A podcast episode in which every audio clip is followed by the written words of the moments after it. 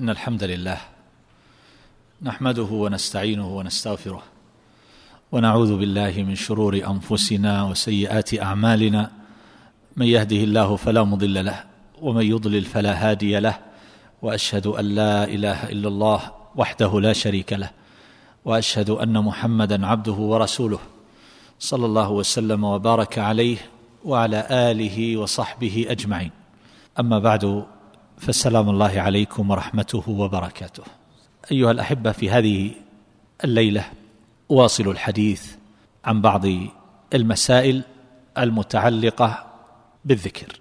ومن هذه المسائل ما إذا تنوعت الصيغ في الذكر المعين فما هو الأفضل؟ الأفضل أن يأتي تارة بهذا وتارة بهذا ويكون قد حقق السنة وجاء بالمشروع. فإذا أراد أن يتخير من هذه الصيغ فإنه يختار الأكمل والأتم من جهة المعنى. فكلما كان الذكر أكمل في صيغته وفي مضامينه كان ذلك أفضل وأكمل. صيغ الأذان متنوعة وهي صحيحة وثابتة.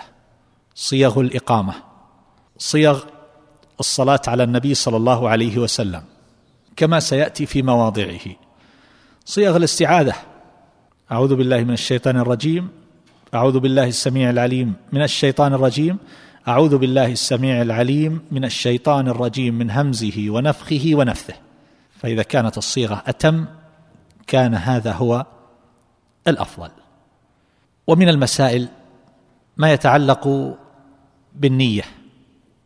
فكثير من الناس يسأل يقول نحن نقول دعاء نزول المنزل نقول أذكار الصباح والمساء نقرأ آية الكرسي عند النوم نقرأ الآيتين الأخيرتين من سورة البقرة من أجل أن يتحقق ما رتب على ذلك من الأمر المعجل. أن الإنسان مثلا لا يزال عليه من الله حافظ ولا يقربه شيطان حتى يصبح إذا قرأ آية الكرسي قبل أن ينام. من قرأ الآيتين الأخيرتين من سورة البقرة في ليلة كفتاه وسيأتي في شرحه إن شاء الله أنها تكفيه من كل شيء من المخاوف بأنواعها وقد تكفيه أيضا عن سائر الذكر كما يقوله بعض أهل العلم وسيأتي الكلام على هذه الجزئية. وكذلك أيضا إذا نزل منزلا فقال أعوذ بكلمات الله التامات من شر ما خلق. لم يضره شيء حتى يرتحل من هذا المنزل. فهنا إذا قال الإنسان هذه الأذكار وهو يرجي هذه الآثار بمعنى أنه لا يستحضر التعبد وإرادة ما عند الله عز وجل من الأجر والثواب والدار الآخرة فهل يصح ذلك أو لا؟ هل يؤثر في الإخلاص أو لا يؤثر؟ يقال في هذا والله تعالى أعلم بأن هذا ينبغي أن يكون على سبيل التبع. يعني هذه المطالب العاجلة من المصالح الدنيوية والحظوظ النفسانية حظوظ النفس القريبة العاجلة أن يكون ذلك على سبيل التبع. بمعنى ألا يكون قصد الإنسان في هذه التعبدات من الأوراد والأذكار ألا يكون له طلب ولا طمع إلا في أمور عاجلة. نعم الشارع رتب على هذا هذه الآثار لكن نحن نتعبد بهذه الأذكار لله عز وجل ونتقرب إليه. فهذا من أعظم القربات الذكر. فاذكروني أذكركم. من ذكرني في نفسه ذكرته في نفسي. ومن ذكرني في ملأ ذكرته في ملأ خير من ملئه. كما عرفنا هذا كله من الذكر. هذه الأذكار يتجه إليها مثل هذه النصوص عند الإطلاق اتجاها مباشرا أوليا يعني أنها داخلة في ذلك في هذه النصوص دخولا اوليا كما يدخل سائر التعبدات كما قلنا في المفهوم الواسع للذكر. فإذا كان الإنسان يقول مثل هذه الأذكار ليحصل ما رتب عليها في العاجل فقط فليس هذا كذاك الذي يفعل ذلك تعبدا وتقربا إلى الله ثم بعد ذلك على سبيل التبع أن يحصل له الأثر. ولذلك فإن الإنسان الذي تكون مطالبه من أولها إلى آخرها الأثار العاجلة يعني يزكي من أجل أن ينمو المال يحج من أجل التجارة. يصلي مع الجماعة لتثبت عدالته وتقبل شهادته كما يذكر أهل العلم كالشاطبي وغيره. وهكذا يصل الرحم لينسأ له في أثره. وما إلى ذلك من الآثار المعجلة. فإن كانت جميع أعمال العبد لا يريد بها إلا عرضا من الدنيا إلا مطالب دنيوية فهذا قد يدخل في قوله تبارك وتعالى من كان يريد الحياة الدنيا وزينتها نوفي إليهم أعمالهم فيها وهم فيها لا يبخسون. أولئك الذين ليس لهم في الآخرة إلا النار وحبط ما صنعوا فيها وباطل ما كانوا يعملون. من الصور الداخلة تحتها أن يكون العبادات التي يزاولها يفعلها لأجل أمر دنيوي لا يريد الآخرة ولا يريد الأجر ولا يستحضر التقرب إلى الله تبارك وتعالى. وللأسف هناك لون من التربية يطرح الآن وتؤلف فيه مؤلفات وتلقى فيه لربما ندوات أو محاضرات أو دورات أو نحو ذلك الفوائد الصحية للصلاة. ويذكرون أشياء قد تكون صحيحة وقد تكون غير صحيحة أو أن بعضها صحيح والبعض الآخر غير صحيح. إذا سجدوا الشحنات الكهربائية وكيف تفرغ في الأرض وإذا ركعوا ما هي المفاصل التي تتحرك وأن هذا لابد وإذا خرج لصلاه الفجر يجد غاز الأوزون وأن هذا مفيد لكذا وانه فتجعل الصلاة من أولها إلى آخرها من أجل هذا الجسد. هذا غير صحيح. ولا يجعل الناس بهذه المثابة يعبدون لأجسادهم. الصيام تذكر فيه أشياء وتفاصيل كثيرة جدا كلها يدور حول هذا الجسد. والله عز وجل قال لعلكم تتقون.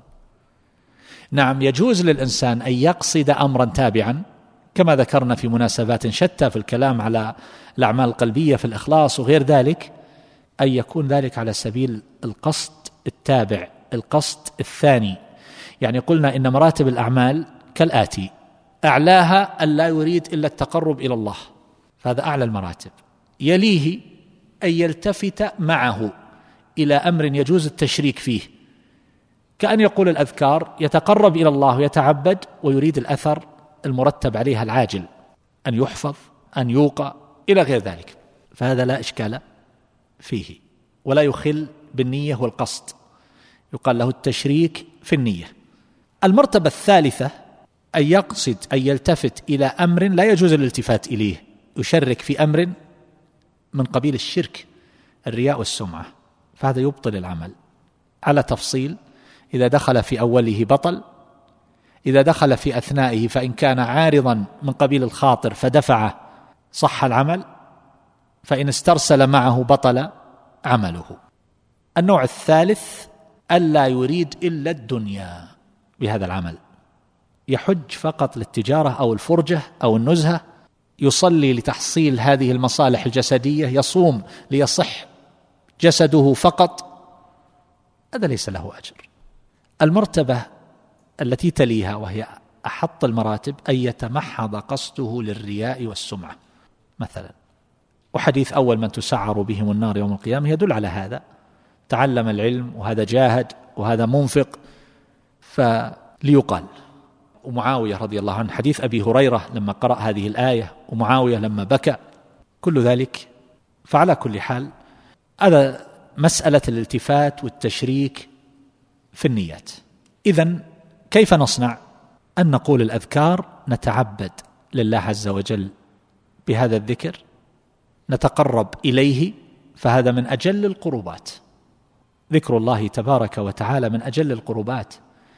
ولا بأس أن نلتفت إلى الأثر المرتب العاجل في الدنيا لكن يكون بالقصد التابع لا بالقصد الأول لا يكون هم الإنسان إلا الأمور العاجلة الدنيوية أو الجسدية أو نحو ذلك.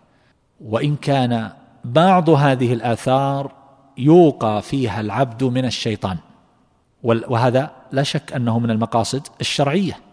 فإنه إذا وقي وكفي من الشيطان سلم من إضلاله وفتنته حيث يصرفه عن طاعة ربه تبارك وتعالى. فهذا يقصد بلا شك لكن في أمور أخرى مما يحصل للإنسان من الآثار العاجلة نحن نقول يتقرب إلى الله ويكون ذلك على سبيل التبع.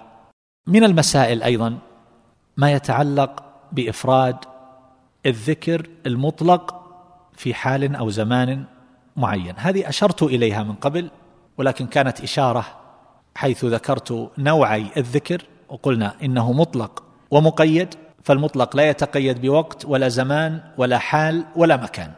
هذا المطلق. والمقيد قيد بشيء من ذلك من قبل الشارع.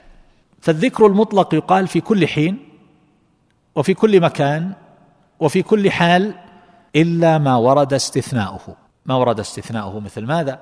مثل كون الإنسان حال قضاء الحاجة فإنه لا يذكر ربه تبارك وتعالى.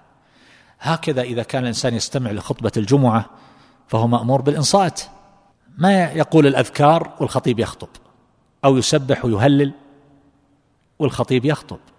لكن فيما عدا ذلك مما لم يكن من الأمور المستثنات فإنه يقوله أنا الليل وأنا النهر سواء في أوقات النهي قائما أو مضطجعا أو ماشيا في السوق في الطريق لا إشكال في هذا. لكن هذه الأذكار التي جاءت مطلقة هل له أن يقيدها بوقت معين أو زمان أو مكان أو حال لم يقيدها به الشارع؟ ذكرت هناك أن هذا يحولها إلى نوع من البدعة يقال له البدعة الإضافية. بمعنى أن أصل العمل مشروع العمل صحيح هذا الذكر منقول عن الشارع لكن لما قيده بأمر لم يرد تقييده به من قبل الشارع فهنا يصير من قبيل البدعة الإضافية.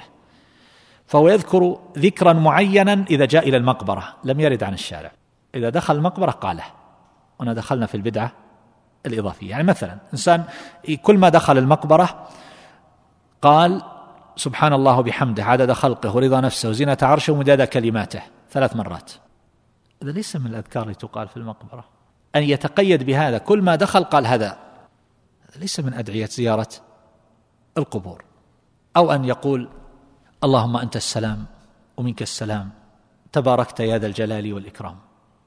هذا يتقيد بهذا إذا دخل المقبرة أو إذا أراد أن يدخل الخلاء أو إذا أراد أن ينام أو كون هذا الإنسان مثلا يقرأ سورة قل هو الله أحد بعد الوتر ثلاث مرات أو مرة واحدة بعد ما يوتر. هذا ليس له أصل. وإن كانت قراءة سورة قل هو الله أحد تعدل ثلث سورة قل هو الله أحد تعدل ثلث القرآن.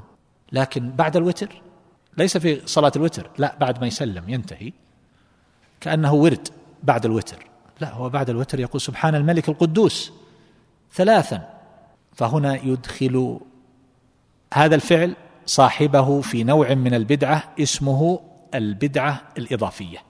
أصل العمل مشروع لكن لما قيده دخل في حيز من البدع يقال لها ذلك. فهذا لا يشرع. وشيخ الإسلام رحمه الله يقول في قصد البقاع مثلا يقول من قصد بقعة يرجو الخير بقصدها ولم يستحب ذلك في الشريعة فهو من المنكرات وبعضه أشد من بعض سواء كانت البقعة شجرة أو عين ماء أو جبلا أو مغارة سواء قصدها ليصلي عندها أو ليدعو عندها أو ليقرأ عندها أو ليذكر الله عندها بحيث يخص تلك البقعة بنوع من العبادة التي لم يشرع تخصيص تلك البقعة به لا عينا ولا نوعا. يزور المقبرة ليقرأ القرآن. يزور المقبرة ليقول أورادا معينة. لم تشرع في المقابر. يزور المقبرة ليدعو لنفسه هو. يزور قبر النبي صلى الله عليه وسلم ليدعو لنفسه. هذا ليس موضعا يدعو فيه الإنسان لنفسه. هو يسلم على النبي صلى الله عليه وسلم. فلا يتحرى الدعاء عند القبور. لكن يمكن أن يدعو لصاحب القبر. وهكذا في الأزمنة. فهناك أزمنة فاضلة. كرمضان الصيام النبي صلى الله عز وجل يقول لما ذكر آيات الصيام ذكر في أثنائها وإذا سألك عبادي عني فإني قريب أجيب دعوة الداعي إذا دعان. هذه جاءت في أثناء آيات الصيام. يدل على أن الصيام وشهر رمضان الدعاء له مزية فيهما صيام ورمضان. فهنا في مثل هذه يوم عرفة الساعة التي في الجمعة أول النهار آخر النهار إذا أوقات للأذكار عقيب الصلوات المفروضة هذا وقت للذكر. لكن أشياء يرتبها كما يفعل بعض أهل البدع والصوفية وغير ذلك. وإذا نظرتم في بعض الكتب في بدع الأذكار والأوراد والصلوات تجد أنه لا يوجد يوم في السنة إلا وفيها بدع مما يقال ويفعل. والله المستعان.